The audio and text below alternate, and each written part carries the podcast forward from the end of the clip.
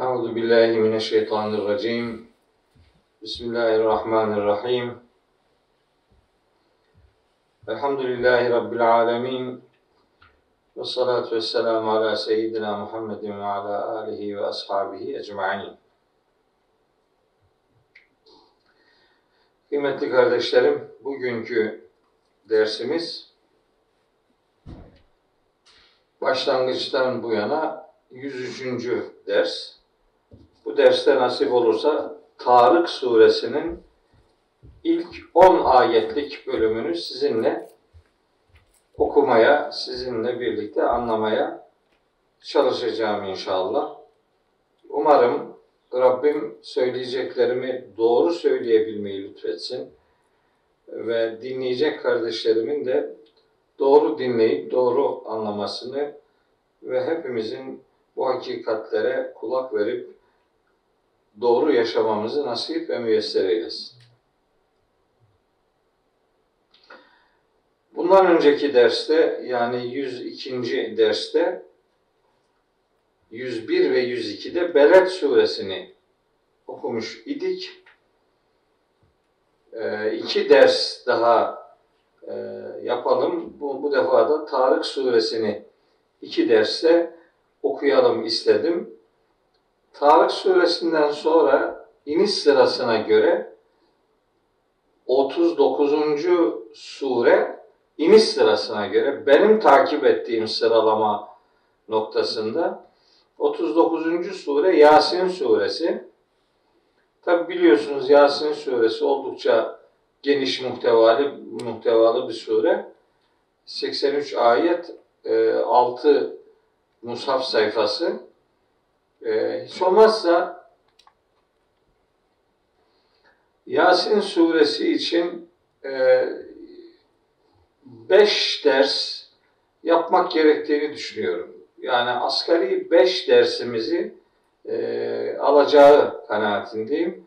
Öyle olunca Yasin suresine başladığımız zaman o sureyi bir daha bölmeden onu bitirmek isterim.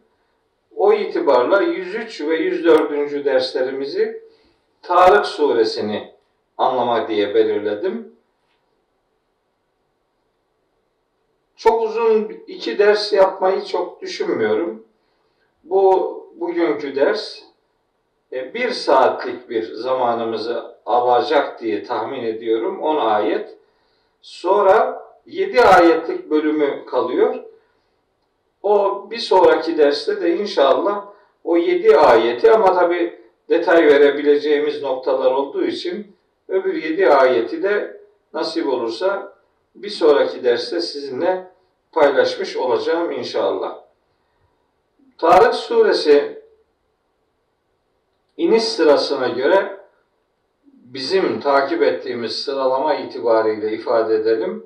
38. sure resmi mushaf sıralamasındaki yeri 86. suredir. 17 ayettir ve Mekke'de indirilmiş bir suredir. Bu surede başlangıç itibariyle birkaç yemin ifadesi vahye dikkat çeken e, bir buyruk, insanın yaratılış serüveniyle ilgili malumat, mahşere dikkat çeken birkaç ayet, yeniden bir yemin ifadesi ile Kur'an'ın ne olduğu ve ne olmadığı noktasındaki bir bilgi, sonrasında inkarcıların bir takım tuzak kurmalarına karşılık Allahu Teala'nın Hazreti Peygamberi e, şekillendirmesi, onu bilgilendirmesi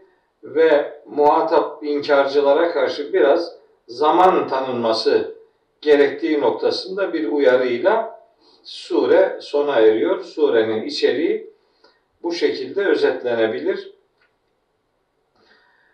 Ee, Tarık suresi öncesindeki Beled suresi ile yakın bir konu irtibatına sahiptir.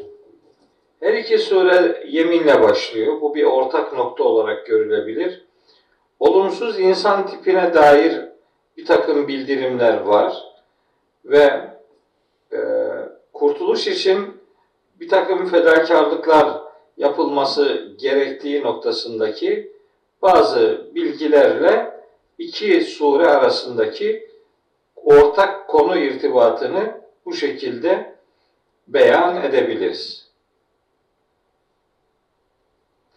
Şimdi Tarık suresinin adı birinci ayette ve ikinci ayette geçen et Tarık kelimesinden kaynaklı olarak verilmiştir.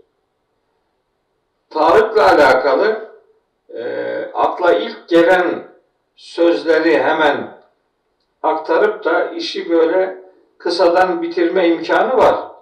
Onu becerebilirim, onu yapabilirim. Fakat böyle bir ders işlemeyi e, vahyin hatırına çok uygun görmüyor. O itibarla bu vesileyle bir takım ekstra bilgilerin verilmesi gerektiğini düşündüğüm noktalarda bir takım izahat ihtiyacı olacaktır ve o izahatı sizinle paylaşmak isterim. Şöyle başlıyor sure. Bismillah. Estağfirullah. Ve semai ve tariki. Semaya ve Tarık'a yemin olsun. Sema ve Tarık. Şimdi semaya gök manası veriyoruz. Tamam. Bunda çok önemli bir sorun yok. Tarık nedir? İşte Tarık da böyle hızlı bir mana vererek böyle ansızın doğan, ışığı parlak olan yıldız gibi tarif ediliyor. Peki biz bunu böyle mi anlayacağız? Bu yetiyor mu yani? Bence yetmiyor. Niye? Bakın gerekçelerimi sizinle yavaş yavaş paylaşayım. Şimdi birinci ayetin birinci kelimesi sema kelimesi. Sema her ne kadar gök olarak e, anlamlandırılıyorsa da aslında sema yükseklik demektir. Sümü kökünden gelen bir kelimedir. Bu yüksekler anlamına gelir. Bu yükseklik esasında hep tercümelere gök olarak aktarıldığı için bu nihayetinde bütün gök cisimlerini içeren hani insanın kendi düzleminin ötesinde ufuklar dediğimiz bütün alemleri içeren yükse yüceler yüceler sistemine bizden yukarıda olan sisteme işaret etmesi bakımından aslında belki de bütün gök cisimlerini içeren bir kelimedir. Bu yükseklik dediğimiz alem içinde neyi barındırıyorsa sema kelimesi aslında onların hepsini içeriyor diyebiliriz. Bütün yıldızlar, bütün gezegenler, bütün gök cisimleri aslında bu sema kavramının kapsamında düşünülebilir. Eğer öyleyse yani bu benim düşündüğüm gibi ise mesele o zaman Tarık kelimesine bildiğimiz anlamda gök cisimlerinden biri olan hani ışığı parlak yıldız anlamı biraz ikinci plana itilir. Niye? Çünkü sema kelimesi zaten içindeki bütün yıldızları da içeriyor. Zaten bütün gök cisimlerini içerdiği için bu Tarık kelimesine bilinen manada e, böyle ansızın doğan, ışığı parlak olan yıldız manası vermemek lazım. Ne ver, ne manası vereceğiz? Niye böyle düşünüyorum ben? Birinci gerekçe semadan kaynaklı. İkinci gerekçe ise 2 ve 3. ayetlerdeki kullanımdan kaynaklı. Hatta bir sonraki ders işleyeceğimiz 13 ve 14. ayetlerden dolayı ben bu ayette geçen Tarık kelimesine hani bir çırpıda hemen yıldız manası verilmemesi gerektiğini düşünüyorum. Bakınız ikinci ayette Allahu Teala şöyle buyuruyor. Bir önceki derste uzun uzadıya e, hakkında malumat vermiştim. Kur'an'da böyle ve ma edrake ifadeleri var. Bunu sana kavratan ne olabilir ki? Sen bunun ne olduğunu nereden bileceksin ki diye soru sorulan ve Kur'an-ı Kerim'de 13 yerde geçen bu ve ma edraki ifadeleri aslında her neyi konu ediniyorsa o konu edinilen şeyin genelde bilinenden daha farklı bir anlam açılımının olduğuna dikkat çekmek için Allahu Teala ve ma edrakeleri kullanır. Yani ve ma edrake işte bir önceki derste el akabe kelimesi üzerinde durmuştuk. Sarp yokuş, tümsek. E tümsek o bildiğimiz tümsek değil işte diyor Allahu Teala. Onun ne olduğunu altı tane madde ile açıklıyor. Beled suresinin 11. ayetinden e, itibaren ki ikinci bölümünde o konu ele alınıyor. Diğer örneklerde de aynı durum söz konusu. Yani Kur'an-ı Kerim'de ve ma edrake ile bir şey soruluyorsa peygamberimize aslında söylenmek istenen şu bu senin bildiğin ilk etapta aklına gelen şey değildir. Bunun hakikatının ne olduğunu sana bildiren ne olabilir ki? Sen bunu nereden bileceksin ki? Şimdi gerçekte eğer bu yıldızsa herkesin bildiğini peygamberimiz de biliyor. Eğer bu doğan ışığı çok parlak olarak dünyaya vuran bir yıldızsa bunu peygamberimiz niye bilmesin ki? Bu bilinir. Herkes biliyor çünkü. Görüyor yani. Herkesin bildiği, gördüğü yıldıza ve ma edrake met diye niye soru sorsun ki? Böyle ve ma edrake ile soru sorduğuna göre anlaşılıyor ki bu Tarık bizim bildiğimiz gökteki ışığı parlak olan yıldız demek değil. Aksi takdirde ve ma edrake ile soru sormasının bir esprisi kalmaz. Ve ma edrake ile soru sorulduğuna göre burada sıra dışı bir anlam devrededir. Nitekim üçüncü ayette de o sıra dışı anlamın ne olduğunu birazdan sizinle paylaşacağım. Evet. Ve ma edrake met tarik. Tarık'ın ne olduğunu sana bildiren ne olabilir ki?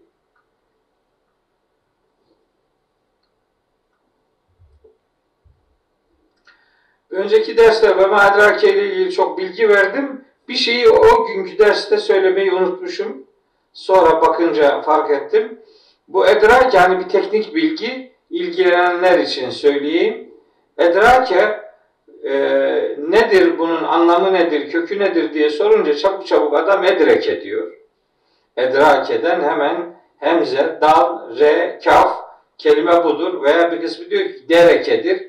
Derekeyi işte dört harfli kalıba koyunca edreke oluyor filan. Hayır bu ikisi de doğru değil.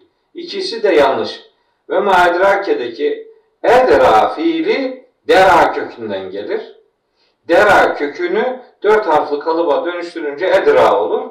Sonundaki ke kelimenin kendi harfi değil o zamirdir. Ve ma edrake sana kavratan, sana bildiren ne olabilir? Yani sen bunu nasıl bir güçle dirayet edebilirsin ki? Dera dirayet köküyle aynı manayı veriyor. Zaten oradan geliyor. Tanrı'nın ne olduğunu sana bildiren ne olabilir ki? Yani bunu Allah bildirmediği sürece muhatap peygamber bile olsa o da bunu bilemez diyor. Geçen ders söyledim, şimdi bir daha tekrar ediyorum. Ve ma ile sorulan soruların cevabını Allahu Teala hemen onların sonundaki ayette veya ayet grubunda verir. Yani ve ma diye sorup bırakmaz. Cevabı kendisi verir.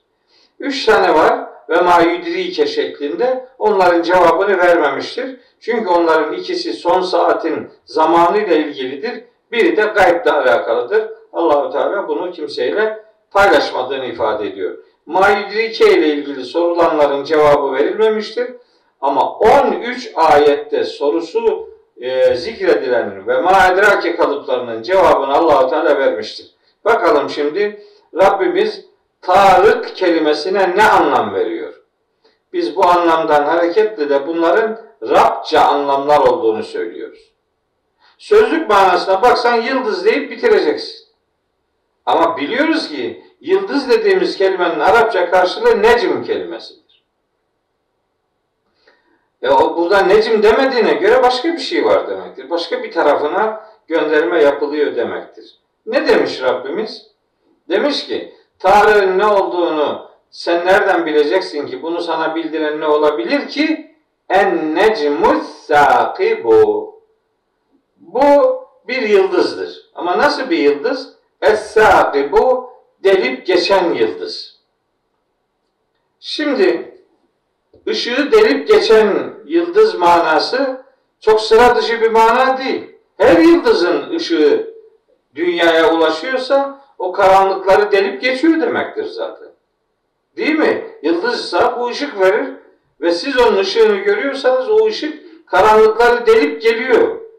O zaman buradaki açıklama bizim özlediğimiz açıklama değil. Burada başka bir şey olması lazım. Ne olması lazım diye bakınca açıyoruz Kur'an-ı Kerim'i. Diyoruz ki bu necim kelimesi nerede geçiyor? Bu nasıl kullanılıyor bu kelime acaba? Açıp baktığımız zaman pek çok ayette şunu görüyoruz. Necim hatta onun çoğulu olan nücum kelimeleri geçtikleri ayetlerde büyük çoğunlukla yıldız veya yıldızlar anlamına geliyor. Evet bu kullanım oldukça yaygındır Kur'an-ı Kerim'de. Fakat necim veya nücum kelimelerinin geçtiği her yerde maksat yıldızdır denemez. Çoğunlukta kullanım o olsa bile tek mana odur. Kimse diyemez dememelidir. Derse hata yapar. Niye hata yapar? Çünkü bu kelime mesela Rahman suresinin 6. ayetinde geçiyor. Orada allah Teala 5. ayette buyuruyor ki Estağfirullah Eşşemsü vel kameru bi husbanin Güneş ve ay bir hesaba göre varlıklarını sürdürürler. Yani onların durumu bir hesaba göredir. Ve necmu ve şeceru yescudani. Necm ve şecer. Şecer ağaçlar demektir. Gövdesiz bitkiler demek. Gövdeli bitkiler demektir. Şecer. Ağaç yani. Ağaçlar ve necm. Şimdi bunu böyle çala kalem tercüme edenlerin bir kısmı yıldız diyor. Yıldızlar ve ağaçlar Allah'a secde ederler. Allah için secde ederler. İyi ama eşşecer kelimesi çoğul ama en necm kelimesi çoğul değil. En necm kelimesi tekil. Yıldızlar diyemezsin. Yıldız diyeceksin. Ama ona yıldız deyip eşşecer kelimesine ağaçlar demek de ifadeye uygun değil. Eşşecer çoğulsa bunun da çoğul olması lazım manasını. Ama kalıbı tekil. O zaman anlaşılıyor ki buradaki en kelimesi ağaçla alakalı bir mana ifade eder ki o da gövdesiz bitki demektir. Ot, ot yani.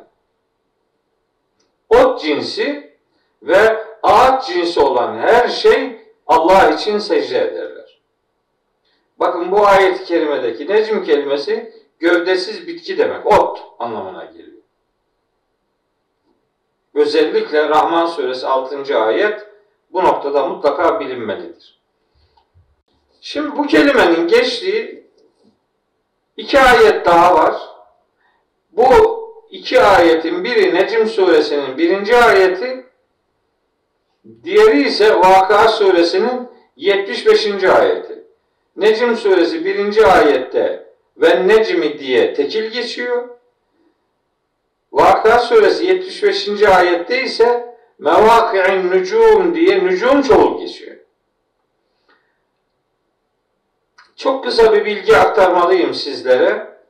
Daha önceler defalarca bunu mutlaka söylemişimdir. Ama şimdi sırası geldi bunu söylemezsem diyeceğim e, mesele anlaşılmamış olur. Havada kalır yani. Bunu demem lazım. Bu bilgiye ihtiyaç var. Kur'an'da yeminler eğer tek bir şeye ise o yemindeki kelimenin ne anlama geldiği devamındaki ayetlerden anlaşılır. Yani devamında nereden bahsediliyorsa o yemin orayla alakalıdır. Devamını bilmezseniz yemine doğru mana veremezsiniz. Nitekim şimdi elinizde mealler vardır. Açıp bakabilirsiniz. İsteyen açsın baksın. Necm suresinin birinci ayetini büyük çoğunluk battığı zaman yıldıza yemin olsun ki diye verir. Ya bu doğru bir tercüme değildir. Battığı zaman yıldıza yemin etmiyor Allahu Teala. Çünkü ikinci ayette, üçüncü, dördüncü, beşinci, altıncı, yedinci ayetlerde hatta sekiz, dokuz, onuncu ayetlerde Necim suresinde konu Hazreti Peygamber'in Cebrail aleyhisselamdan vahiy öğrenmesidir. Vahiy ile alakalıdır. Konu vahiydir. Konu vahiy olduğu için eski alimlerimizin bir bölümü Allah hepsine rahmet etsin elbette. Onların hepsi değil ama bir bölümü buradaki necim vahiydir manasını vermiştir. Çünkü devam eden ayetlerde konu vahiy ile alakalıdır. Devam eden ayetlerde konu vahiy olduğu için Peyder Bey indiği zaman ne necme yemin olsun yani vahye yemin olsun demektir. İdâ heva inmek demek, düşmek demek, gelmek, aşağıya doğru sarkmak demek. O kelimenin anlamı vahiy indiği zaman demektir. Hatta bizim literatürümüzde tencimul Kur'an diye bir kavram vardır. Tencimul Kur'an, Kur'an'ın peyderpey indirilişi demektir. Necim necim indirilişi demektir. Her necim ifadesi Kur'an için her bir ayeti karşılar. Hatta her bir sureyi karşılayabilir. Kur'an'ın her bir suresine necim denebilir. Kur'an'ın her bir pasajına necim denebilir. Kur'an'ın her bir ayetine necim denebilir. Çünkü necmin anlamlarından biri de vahiydir. Necim suresi birinci ayet bunun bir delilidir. İkinci delili de Vaka suresi 75. ayet. Yine not edin ve evlerinize bakın. Bu ayetin tercümesi çok büyük çoğunlukla Ferauksimu bimevâki'in nücum yıldızların yerlerine yemin ederim diye tercüme ediliyor. Halbuki burada konu yıldız değil. Niye? Çünkü devam eden ayetlere bakıyorsunuz. Konu Kur'an. İnnehu le Kur'anun kerimun fi kitabin meknunin la yemessuhu illel mutahharun tenzilun min rabbil alemin efe bihadel hadisi entüm müdinun ve tec'alune rizkakum enneküm tükezzibun Kur'an'ı anlatıyor ya. Konu Kur'an olduğu için mevâkı'in nücum da vahiylerin yerleştiği yerler demektir. Vahiylerin yerleştiği gönüller demektir. Bu gönüller ifadesindeki ilk maksat bütün peygamberlerin gönülleridir. Sonra da vahiy gönlüne alan her bir mümindir. Kur'an vahyi bütün vahiylerin olduğu gibi Kur'an vahyi peygamberimizin kalbine gelmiştir. Kalbine. Fe innehu nezzelehu ala kalbike. O Cebrail vahyi senin kalbine indirdi diyor. Bakara suresinin 97. ayeti veya 90 evet 97. ayeti hatta şu Şuara suresinin 195. ayetinde de Kur'an'ı tarif ettiği pasajda Allahu Teala buyuruyor ki nezele bihir ruhul emin Kur'an'ı o güvenilir ruh indirmiştir ala kalbike senin kalbine. Demek ki vahyin Hazreti Peygamber'deki yeri onun kalbidir. 193, 194. ayet, 195, 196'da Kur'an vahyini tarif eden bir içerik arz ediyor. Bu iki ayetten hareketle Mevaki'un Nücum dediğimiz Vaka suresinin 75. ayetindeki en nücum kelimesi de vahiyler anlamını verir. Oradan hareketle bu bu ayetlerden istifade ederek özellikle Necim suresi 1. ayet ve Vaka suresi 75. ayetteki kullanımdan hareketle Tarık suresinin 3. ayetindeki en necmu sâkıb ifadesine ben vahiy diyorum. Cehalet, şirk karanlıklarını delip geçen vahiy yıldızı demektir. En necmu sâkıb vahyi anlatır, gökteki yıldızı değil. Ha, vahye yıldız ifadesi neden verilmiştir? Onun sebebini de biliyoruz. Niye? Yıldız nasıl ki karanlıkları delip geçiyorsa, vahiy de cehalet, şirk karanlıklarını delip geçen bir mahiyet arz eder.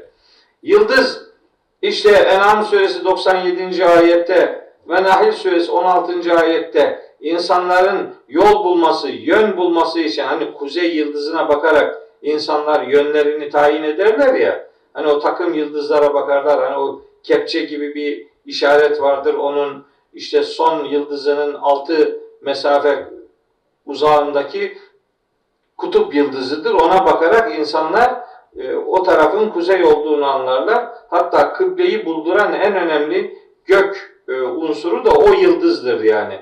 Ona belli bir zamanda baktığınız zaman o mutlak kuzeyi gönderir, gösterir. Bizim için onu arkanıza aldığınız zaman kıbleyi görmüş olursunuz yani. Yıldızların böyle yol gösterme, yön gösterme, yol buldurma gibi bir misyonu vardır. Yıldızların o misyon olduğu gibi vahyin de misyonu insanlara yol göstermektir. Onlar fizyolojik yolları, efendim bildiğimiz anlamdaki yolları, yönleri bulmamızı sağlar. Kur'an da bizi hakikat yönümüzü bulmamızı sağlar. Onun için hem aydınlatıcılık noktasında Kur'an bir yıldızdır, hem de yol, yöntem, hidayet, rehberliği noktasında Kur'an tıpkı yıldızdan insanlar nasıl istifade ediyorsa vahiden de yolunu, yönünü, hakikatı bulma noktasında istifade ederler. Bu nihayet tek başıma benim benim tespitim değil. Merhum Elmalılı Hamdi Yazır'ın çok güzel bir ifadesini oraya aldım. Allahu Teala ona da diğer alimlere de rahmet etsin. Manevi sema işte o öyle diyor. Ve semaya manevi sema diyor. Yani yüceler alemi. Bildiğimiz gök manası vermiyor. O yüceler alemi, meleği ala, o yüksek yönetim merkezi. Oradan ilahi iradeden insanların gönüllerine etki eden, insanı inkar ve cehalet karanlıklarından imanın aydınlığına ulaştıran Kur'an vahyine dikkat çekilmektedir demiş Elmalılı merhum Hamdi Yazır. Şimdi ben ona dua etmeyeyim de yani ne yapayım yani? Bir de bizim için derler ki böyle eski alimleri beğenmiyor. Ya nasıl bir iftira arkadaş yani ne korkunç bir iftira. Benim derslerimi takip eden bütün kardeşlerim hemen her ders geçmiş alimlere rahmet okuduğuma şahittirler. Bir sürü dipnot veriyorum. Dipnot vermek zaten rahmet okumanın tekne, teknolojik kısmıdır yani. Dipnot verdiğime göre rahmet okuyorum demek. Onlar rahmeti kendi takımlarının adamlarından ibaret gördükleri için o takımların adamının adını söylemeyince kimseye rahmet dilemiyor diye benim hakkımda öyle diyorlar biliyor musunuz? Bir rapor hazırlanmıştı bir, tarih, bir, bir, bir tarih. Orada benim adımı da koymuşlar. Övüyorlar mı, yeriyorlar mı belli değil. Ne yaptıklarını anlamak oradan anlaşılmıyor ama sonunda bir değerlendirme cümlesi yapmış. Kur'an bilgisi takdire şayandır. E, fakat alimleri küçük görüyor ben. Ya yakışıyor mu size ya? Yakışıyor mu ya? Hiç mi vicdanınızı sızlamıyor? Bu nasıl bir bu nasıl bir nitelendirme yani? Kur'an'ı iyi biliyor, takdire şayan. E tamam. Kur'an'ı biliyorsa konuşacak da bu adam. Yok. Kur'an'ı bil ama sus. Kur'an'ı bil ama bizim dediğimizi de. Niye biliyorum o zaman Kur'an'ı? Senin dediğini ezberleyeyim o zaman daha kestirme yol o. Tabi beni o anlamda ikna etmeleri mümkün olmadığı için ben Kur'an talebesiyim ve hakikati Kur'an'ın izinden öğrenme yolculuğu yapıyorum. Bir sonraki derste Peygamberimizin bir hadisini, uzun bir hadisini burada işleyeceğim. Bir sonraki derste.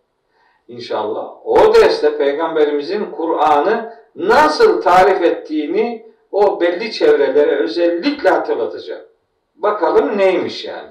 Bakalım biz hangi yoldan gidiyormuşuz. Kim peygamberin izini takip ediyormuş? Bir dahaki ders onu e, ilgililere yönlendirmiş olacağım inşallah.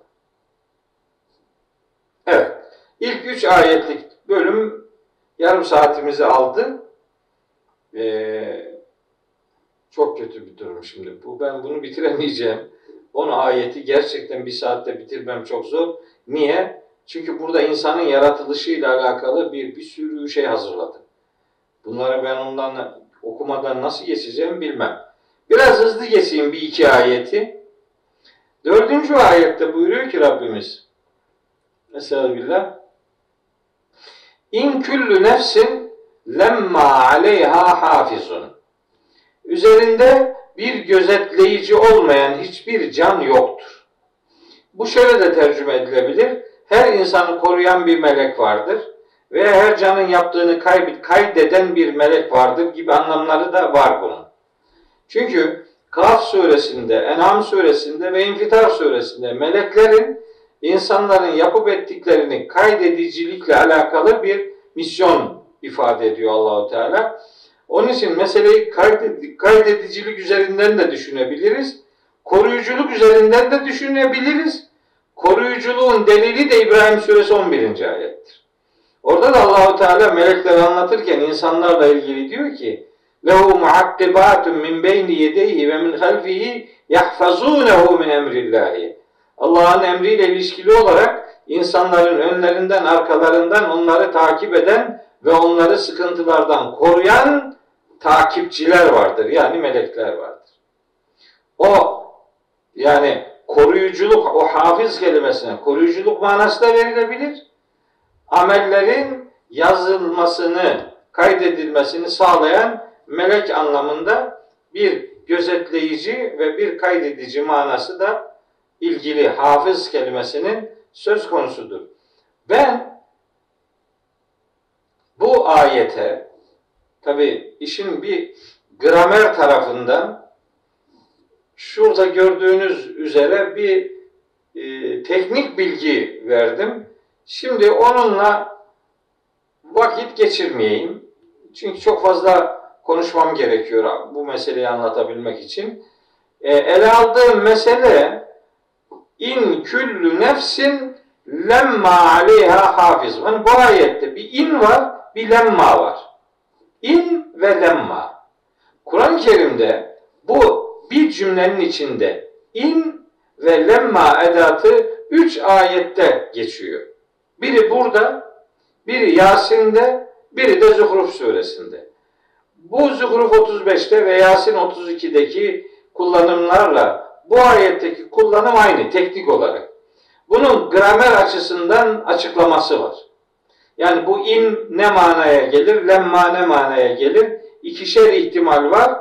Grama, gramer açısından o ihtimallerin hiç olmazsa sadece bulunduğunu söylemekle yetinin. Ne olduğuna dair bir detaya girmeyeyim vakit geçmesin diye. Geldim beşinci ayete. allah Teala beşinci ayette şimdi dördüncü ayet Kur'an'daki bu yeminlerin niye yapıldığına dair güzel bir örnek. Aslında Allahu Teala vahyine yemin ederek insana diyor ki bak yapıp ettiğin ne varsa hepsi kaydediliyor. Seni gözetleyen melekler var haberin olsun. O bilgiyi vermek için aslında o yemin ifadeleri vardı.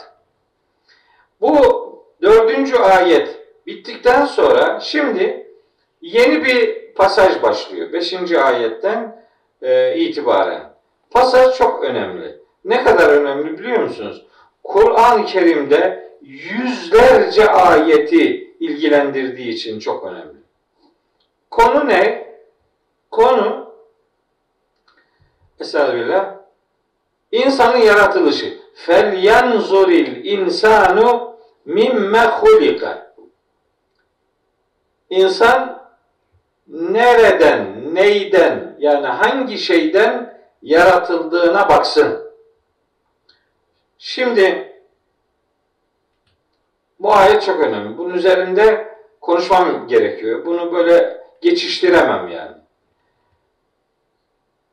Gönderme yapmak istediğim bu ayetle ilgili hususlardan biri fel yanzur kelimesi. Yanzur, nazara kelimesi. Bu nazara kelimesi nazar, bakma anlamında fakat hani eskiden Osmanlı Osmanlı Osmanlı döneminde nazariyeler derlerdi. Nazariyeler yani büyük fikir akımlarını ortaya koyan bu gövde e, şeyler, düşünceler, nazariye, teoriler filan. O nazariye bu, bu bununla aynı manayı veriyor. Yani böyle sadece gözünle bak demek değil o. Gözünle bakmayla ilgili ifade Kur'an'da başka kelimelerle geçiyor. Besar kelimesi geçer orada. Ebsar kelimesi geçer. Re'a kelimesi geçer. işte ru'yet kelimesi geçer filan. Bu nazara kelimesinin geçmesi bu bir incelemek, kafa yormak, nazariye oradan geliyor. Hani nazırlık var diye Osmanlılar'da nazır. Nazır böyle bakan demek değil yani. Görevli olan, onunla ilgilenen demek yani. Bakan, bakan böyle sadece bakmakla iş gören demek değildir yani. İlgilenen demek. Kafa yoran yani. Nazariyelerle nazırlık e, bu felyanzur inceleme noktasında aynı e, aynı hedefe hizmet eden bir mana içeriğine sahip. Baksın, incelesin. Kim? El insanu insanoğlu. Bundan maksat önce nankör insan nereden yaratıldığına bir baksın. Çünkü ahirette yeniden diriltilmeyi inkar edenlere Allahu Teala insanın yaratılışı üzerinden bir ibret levhası sunuyor. Birinci derecede muhatap nankör insandır. Ahirete inanmayan insandır. Önce ona hitap ediyor. Fakat biz ayeti müstakil olarak da düşünebiliriz. Bütün insanoğlu olarak da algılayabiliriz. Mesela o el yanzur kelimesi o emir kalıbı aslında herkesin bu konuda kafa yorması gerektiğine dair bir e, ilave mesaj içeriyor. Bunu e, özellikle sizinle paylaşayım istedim. Sonra enteresan bir şey var orada. Şimdi bunu demesem ayıp olur. Mimme, mimme bak mimme. Bu aslında min min harfiyle ma harfinin bir araya gelmesinden oluşan bir ifade. Mimma. Burada bir kural var. Kural şu onu yazdım. Bir, e, şu e, slaytın altında. Şöyle bir kural var bu ya, hatlarda, yazımda yani. Şöyle bir kural var. Eğer cer harfleri var Arapçada 20 tane. E, kendisinden sonraki kelimenin harekesini esre yapan harfler e, onlara cer harfleri derler yani. Esre yapan harfler. O harfler eğer bu soru edatı olan ma edatının başına gelirse cer harflerinden herhangi biri bu soru edatı olan ma'nın başına gelirse o ma artık ma diye yazılmaz ve ma diye okunmaz. M diye yazılır ve M diye okunur. Bu bir kural. Kur'an'da bunun bir sürü örnekleri var. Mesela amme yetesaelune mesela. Mesela fîme ente min zikraha nazihatta geçiyor. Mesela mimme burada geçiyor. Ee, yani Tarık suresi 5. ayette geçiyor. Mesela lime var. Lime çok var Kur'an-ı Kerim'de. O limadır aslı yani. Mesela bime var. Bime. Bima'dır onun aslı. O da Nemil suresinde geçiyor. Onların bütün ayet numaralarını yazmıştım. Sonra o slayta sığmadığı için dipnotları sildim. Ama neyse bilgisini söylüyorum. Oradan insanlar karşılaştığında görürler, görsünler. Şimdi Kur'an-ı Kerim'de Allahu Teala'nın böyle nazara kelimesini kullanarak insanların araştırma yapmasını istediği bir takım ayetler var. Mesela bu ayetlerden biri Araf suresi 185. ayet. O ayette Rabbimiz buyuruyor ki bu kelime geçiyor orada. Bu nazara kökünden kelime. Buyuruyor ki Rabbimiz bakınız 185. ayeti Evelem yanzuru hiç mi kafa yormadılar? Hiç mi bakmadılar? Fi melekutis semavati vel ardı. Göklerin ve yerin hükümranlığı ile ilgili hiç kafa yormadı mı? Bakın astronomi bilimi Müslümanların en çok ilgilenmesi gereken bilimlerden biridir. Vakti zamanında ecdadımızdan ilgilenenler olmuş ama sonrası gelmemiştir. Şimdi elin alemin adamı bir şey buluyor, biz de onun bulduğunu anlamak bile anlamıyoruz yani. Allah'ın dediğini onlar yapıyor. Üzgünüm yani. Bizim yapmamız gereken işi onlar yapıyor. Hiçbir bakmadılar göklerin ve yerin hükümranlığı, melekutu nasıl? Ve ma halakallahu min şeyin. Ve Allah'ın yaratmış olduğu her bir şeye neden bir ibret nazarıyla kafa yorarak ona neden bakmadılar? Yani neden bakmadılar demek? Baksınlar demektir. Bu bakmayanı ayıplayan ve bakılması gerektiğine dikkat çeken bir mesajdır. Araf suresi 185. ayet. Kullanılan fiili yanzuru, nazara. Aynı kelime yani. İlginçtir. Bu Abese suresinde de geçiyor. Bu, bu gene aynı. Fiil. Üstelik de aynı kalıpta geçiyor. Fel yanzur. Aynı. Tarihte geçtiği gibi. Fel yanzuril insanu ila taamihi. İnsanoğlu gıdasına bir baksın. Bu baksın demek yani böyle suya bakarken suya bakmak demek değil yani. İncelesin. Kafa yorsun yani. Nitekim o Abese suresi 24. ayetteki ifadeden sonra o gıdanın gıda oluşumuna, oluşumuna kadar hangi aşamaları geçirdiğini anlatıyor.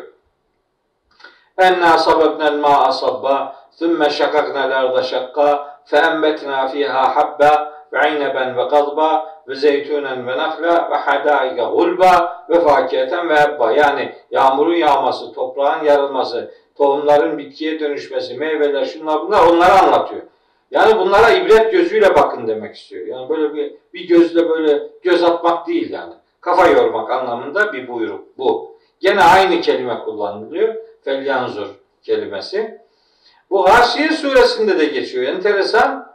Gâşiye suresinde Efela yanzurune diye geçiyor. Bakmıyor mu bu adamlar hiç? İler ibili keyfe hulikat. Deveye nasıl yaratılmış diye. Niye bakmıyorlar? Niye incelemiyorlar? Deve semboldür. Bütün hayvanlar kastedilir aslında. Ve ile semai keyfe.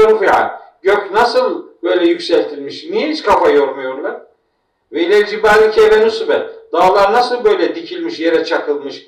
Bak bu jeoloji, jeomorfoloji işte bu. Öbürü astronomi.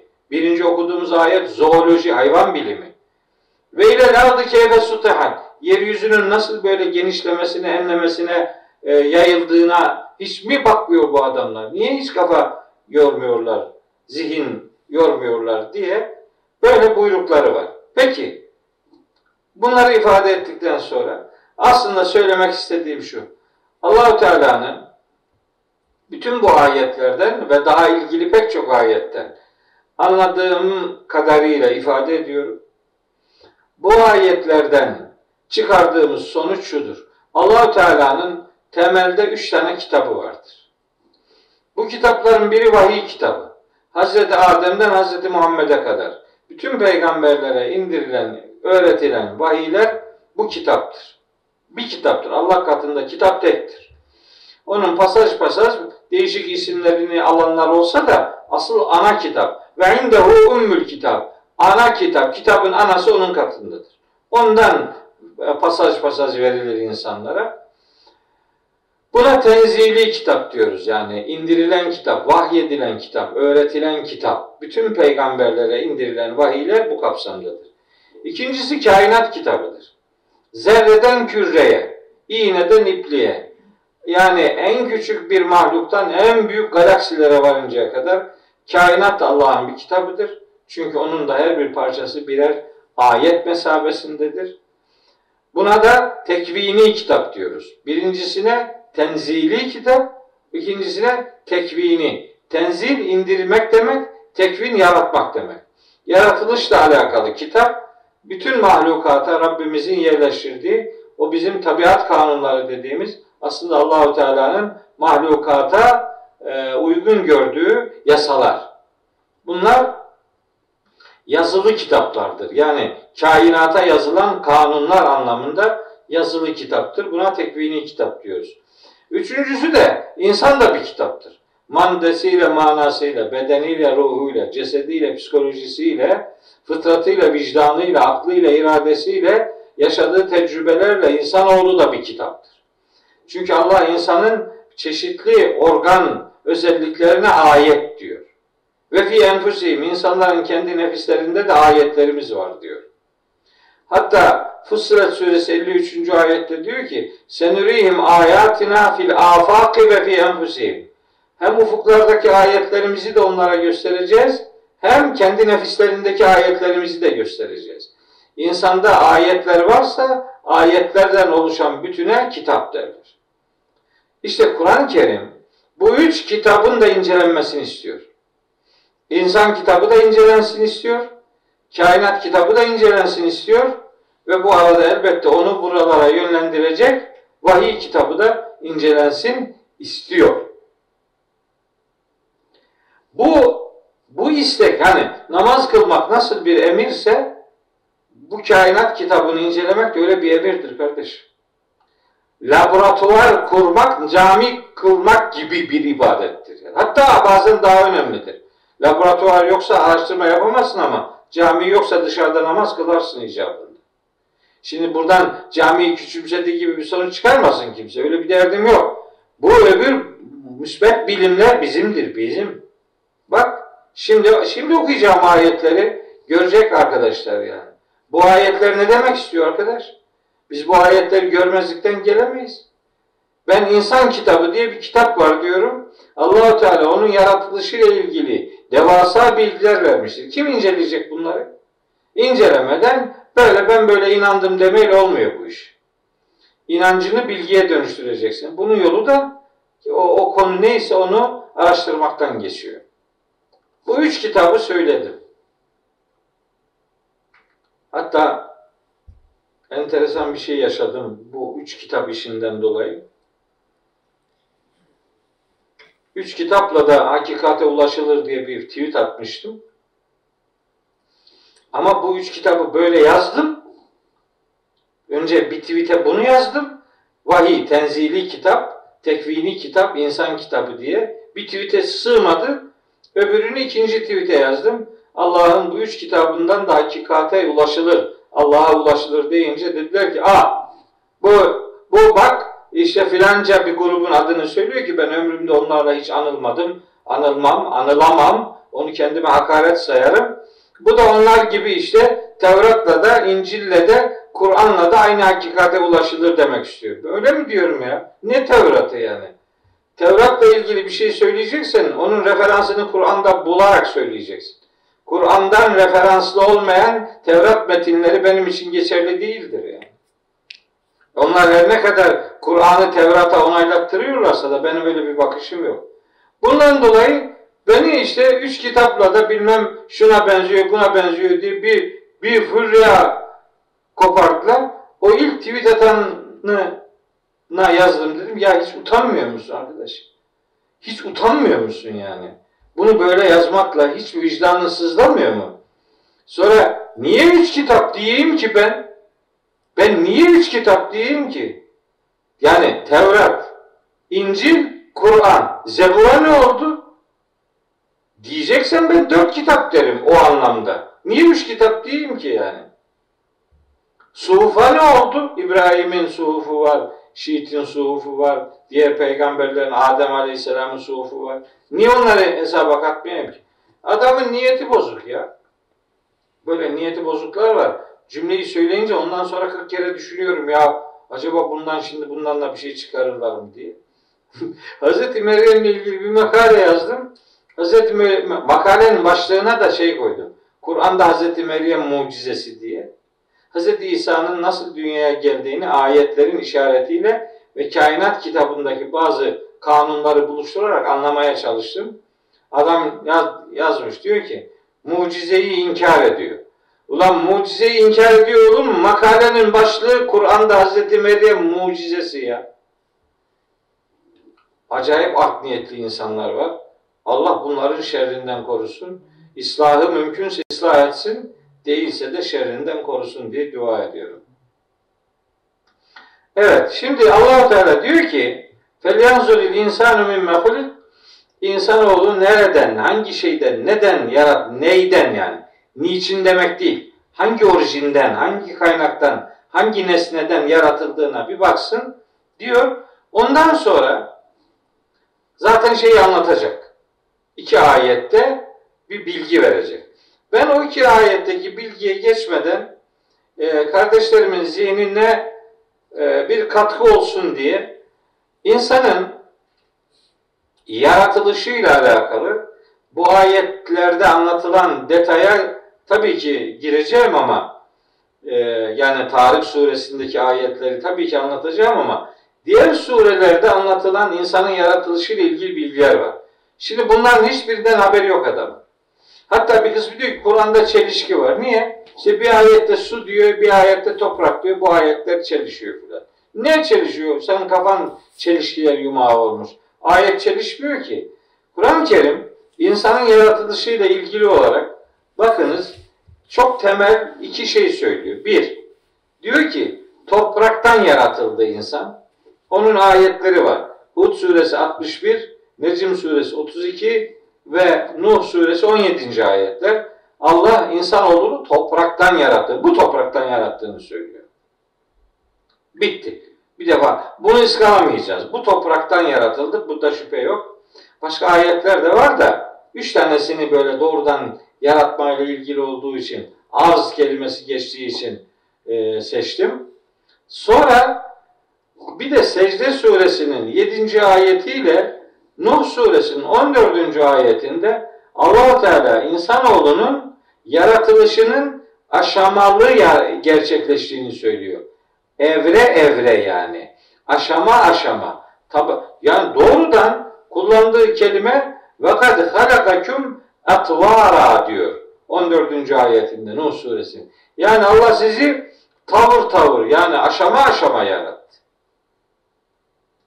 Demek ki yaratılışta bir aşamalılık var. Secde suresi 12. ayette de buyuruyor ki şey 7. ayette 12 değil. Secde suresi 7. ayette diyor ki Ellezî ehsene külle şeyin halakahu her şeyin yaratılışını en güzel yapan Allah'tır. Ve bede halkal insani min tinin. İnsanı yaratmaya da topraktan başlamıştır diyor. İnsanı yaratmaya topraktan başlamıştır. Demek ki yaratılışta bir süreç var. Şimdi bu ayetlerde bu süreçten söz ettiğine göre biz o sürecin içini hangi ayetlerin doldurduğunu aradık bulduk.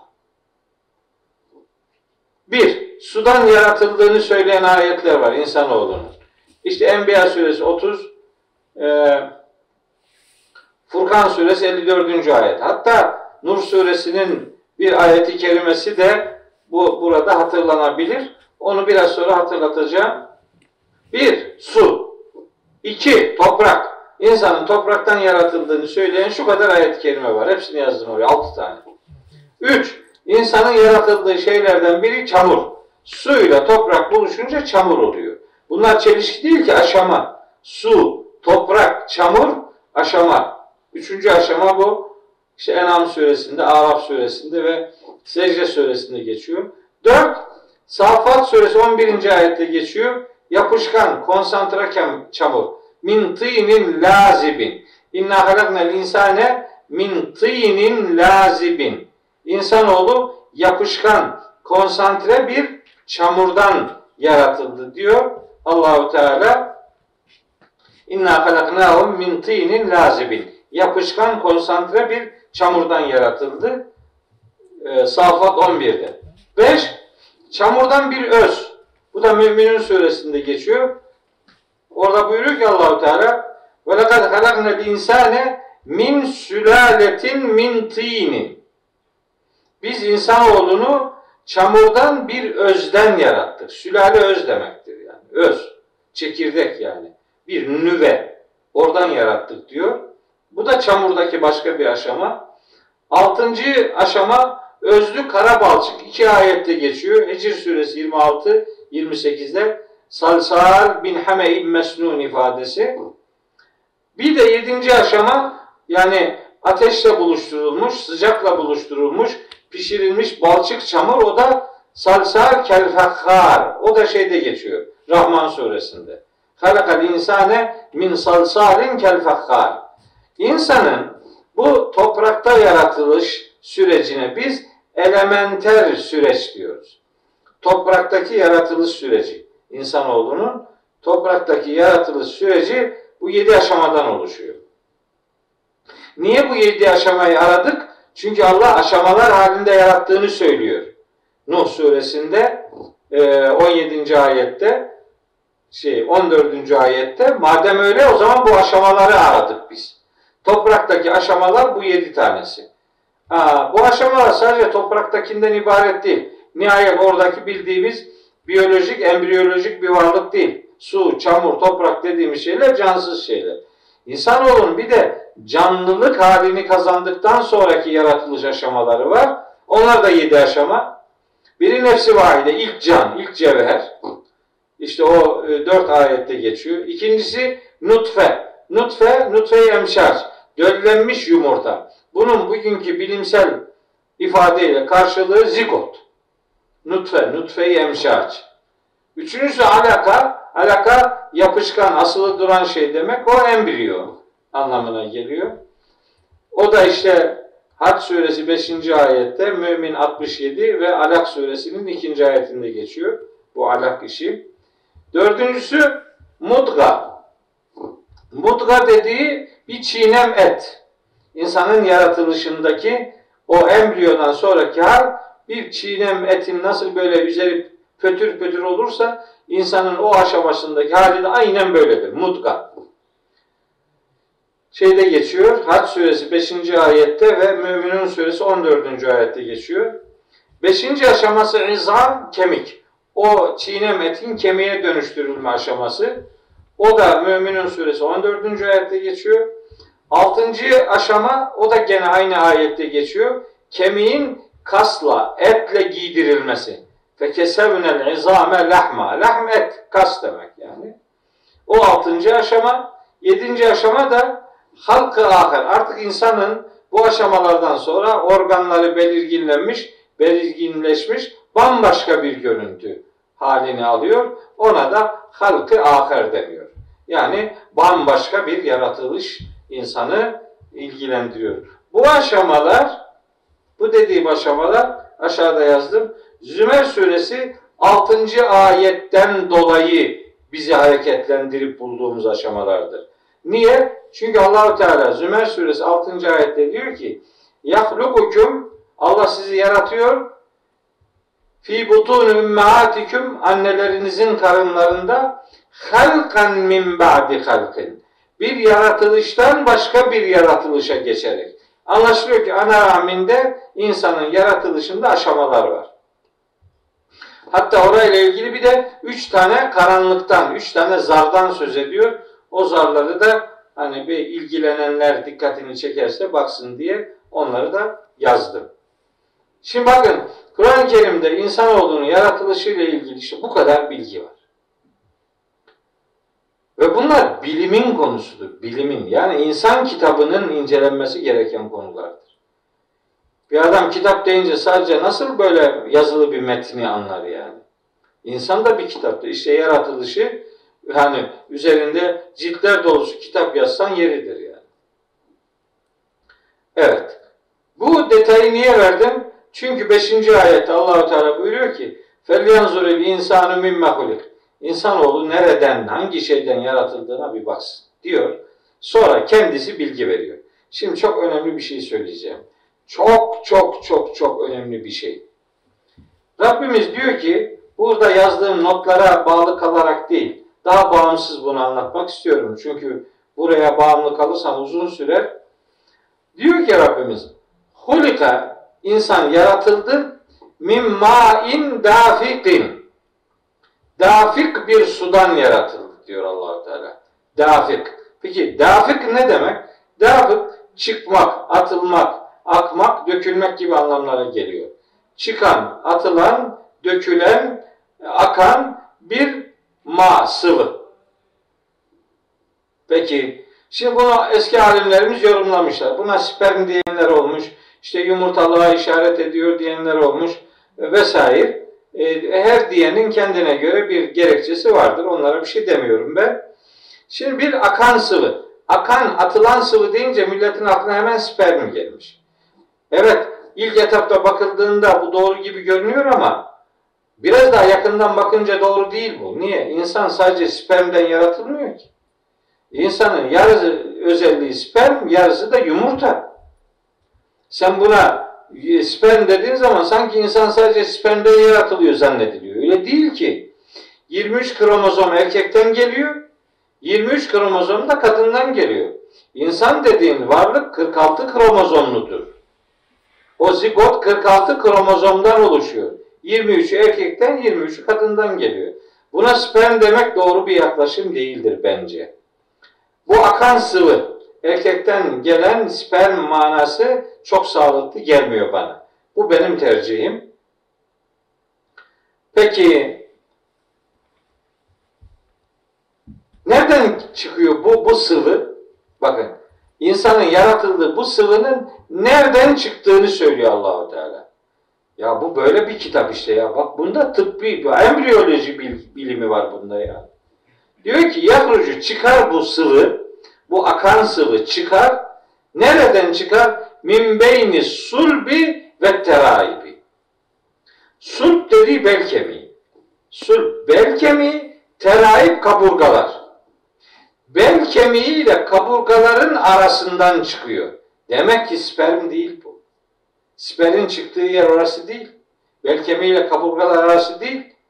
Spermin oluşturulduğu yer ve e, döllenme durumuna geldiği yer insanın hani akış arasıdır. E, yani insanın sperminin bulunduğu bölge bu bel kemiğiyle kaburga kemiklerin arası değil. Mevcut şu anda her erkekte bulunan yeridir yani. Ama allah Teala orayı anlatmıyor. Eğer orayı anlatırsa o zaman kadının yumurtalarına gönderme yapmamış olacak. Bu onu anlatmıyor. Araf suresi diye bir sure var Kur'an-ı Kerim'de. Onun 177. 172. ayetinde insanoğlunun zürriyetinin sırtından alındığını söylüyor. Ve izlakaze rabbuke min beni ademe min zuhurihim min zuhurihim sırtından alınıyor. Zürriyetehum nesli. O Eles Bezbi diye bilinen ayet-i kerimedir o ayette. Demek ki insanoğlu bir defa insanın e, ceninin sırtından bel kemiğiyle kaburga kemikleri arasından. Bu çok çok çok enteresan bir bilgi bu. Ben bu bilgi için çok çalıştım. Bu ne demek bu acaba? Buna sperm ve yumurta filan sul kelimesine işte spermle ilgili bir mana veriyorlar. Teraip kelimesine de leğen kemikleri filan diyorlar. Hayır. Hayır. Sulp kelimesi bel, bel, bel kemiği, teraip de kaburga kemikleri. Bir de Araf 172'yi düşününce bu vücudun arkası olacak. Vücudun arkasında arka bölgede yani bu bölgede değil, vücudun önü değil. Şu anda mevcut üreme organlarımızın bulunduğu yerleri tarif etmiyor bu. Ne yumurtanın yerini tarif ediyor ne spermin ikisini de tarif etmiyor. Bu bir ceninde yani ana rahmindeki bir insan ceninindeki üriner hücrelerin ilk oluşma yerini anlattığını öğrendim. Ben bunu bilim insanlarından, tıp insanlarından öğrendim. Hani burada bir kadir şinaslık olsun diye adını söyleyeyim. Bizim Samsun'da 19 Mayıs Üniversitesi'nde Tıp Fakültesi Temel Tıbbi Bilimler bölümünde eskiden bir hocamız vardı. Nusret Çiftçi diye. Ondan öğrendim. Hatta batılı bir takım araştırmacıların da Kur'an'ın bu muhteşem bilgisine gönderme yaptığını ondan öğrendim. O batılı bilim insanlarının embriyoloji adlı kitaplarında bu bu ayetlere gönderme var. Embriyo. Niye biliyor musunuz? Ceninde daha henüz daha e, erkek olarak organları belirlenmeden, kadın olarak, kız olarak organları belirlenmeden cenin halindeyken ana rahmindeki o ceninde üreme hücreleri aynen bu ayetin dediği gibi bel kemiğiyle kaburga kemikleri arasında o hücreler orada yaratılıyor. Daha sonra erkeklerde mesaneye, kadınlarda yumurtalığa iniyor. Daha sonra o iş. Cinsiyet belirlendikten sonra erkeklerde mesaneye, kadınlarda yumurtalığa o hücreler iniyor. Onların inmeden önceki yaratıldığı yer bel kemiği ile kaburga kemikleri arasında vücudun arka tarafında cenindeki yaratılma yeridir. Bunu bir tefsirci olarak ben buna ben bunu bulacak adam değilim. Ben, benim işim değil. Ben ne anlarım bundan? Ama bundan anlayacağını düşündüğüm insanlara sordum. Gidip sorunca bana dediler ki bu bir Kur'an mucizesidir. Bu muhteşem bir şeydir. Ama biz bazı kitaplarda gelip işte maidatı sperm deyince iş bitiyor zaten. Karma karışık oluyor. Bütün dükkanı kapatıyorsun ya. Halbuki bunun asıl anlamını verdiğin zaman önünde devasa bir alem açılıyor. Onu ilgililere buradan söylemiş olayım. Anlattıklarımı burada böyle madde madde hep yazdım. Ee, ama vakit olmadığı için teker teker o maddelere e, değinmiyorum. Bunun bir Kur'an mucizesi olduğunu bir kez daha ifade edeyim. Sonra sonraki ayetleri hızlıca geçeyim. İnnehu ala recehi kadir. Allahu Teala buyuruyor ki o öyle bir güçtür ki insanı e, yeniden döndürmeye de kadirdir. Yani insanı döndürmeye kadirdir. Burada da bir takım tahliller yapılıyor ama ben o detaylara girmek istemiyorum. Allah insanı yeniden döndürmeye kadirdir. Yani yeniden yaratmaya kadirdir. İlk muhatapların müşrikler olduğunu ve bunların ahireti inkar ettiğini düşündüğünüz zaman gayet net bir şekilde buradan maksadın yeniden yaratılma olduğu anlaşılıyor. Bakın diyor ki Allahu Teala insanın nereden yaratıldığına bakın. Bakın buralar dışarıdan baktığınız zaman buradan insan insan olur böyle bir şey düşünemezsiniz. Ama Allah'ın sanatı çalışmaya başlayınca işte insan oluyor. Bu sistemi yaratan kuvvet insanoğlunu yaratmaya, yeniden hayata döndürmeye de kadirdir. Ne zaman? Ne zaman? Yevme tüble serairu. Bütün sırların ortaya döküleceği o gün. Yani mahşer günü. Bütün sırlar ortaya dökülecektir.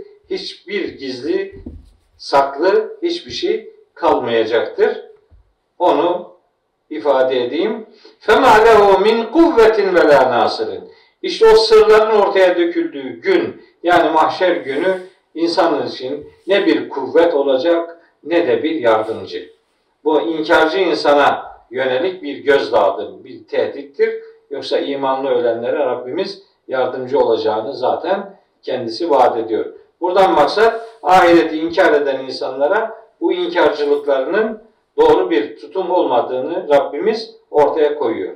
Bir Kur'an estetiği olarak dersin sonunda kısaca bir şey daha söylemek istiyorum. Çok kısa. Bir dakikamızı ancak alır. 8. ayeti 9. ayetle beraber okumak mümkündür. 8. ayeti müstakil okuyup 9. ve 10. ayeti beraber okumak da mümkündür. Bakın 8. ayeti 9. ayetle okuyunca bu anlattıklarım geçerli olur. Yani Allah insanoğlunu yeniden yaratmaya kadirdir. Bütün sırların ortaya döküleceği o gün.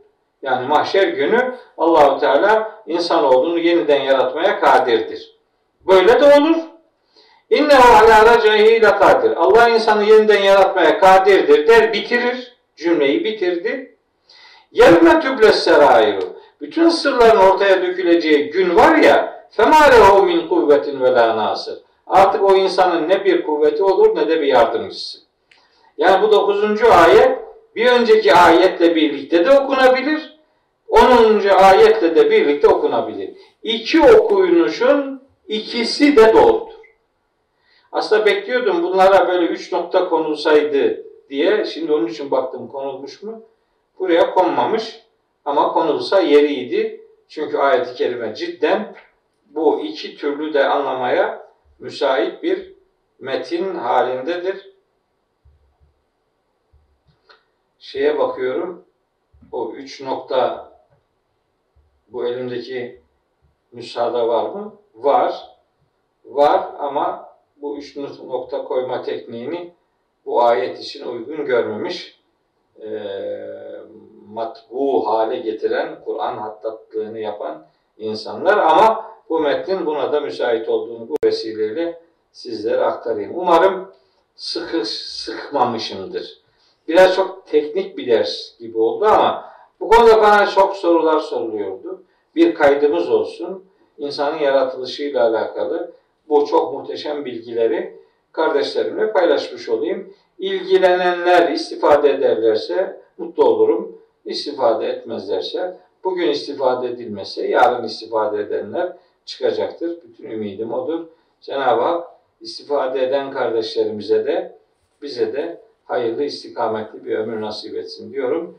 Bir sonraki 104. derste Tarık suresinin kalan ayetlerini sizlerle paylaşacağım inşallah.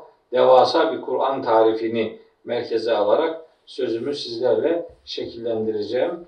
Nasip olursa bir sonraki derste görüşmek ve buluşmak üzere. Hepinizi Allah'a emanet ediyorum. Hoşça kalın. Selam ve selametle kalın.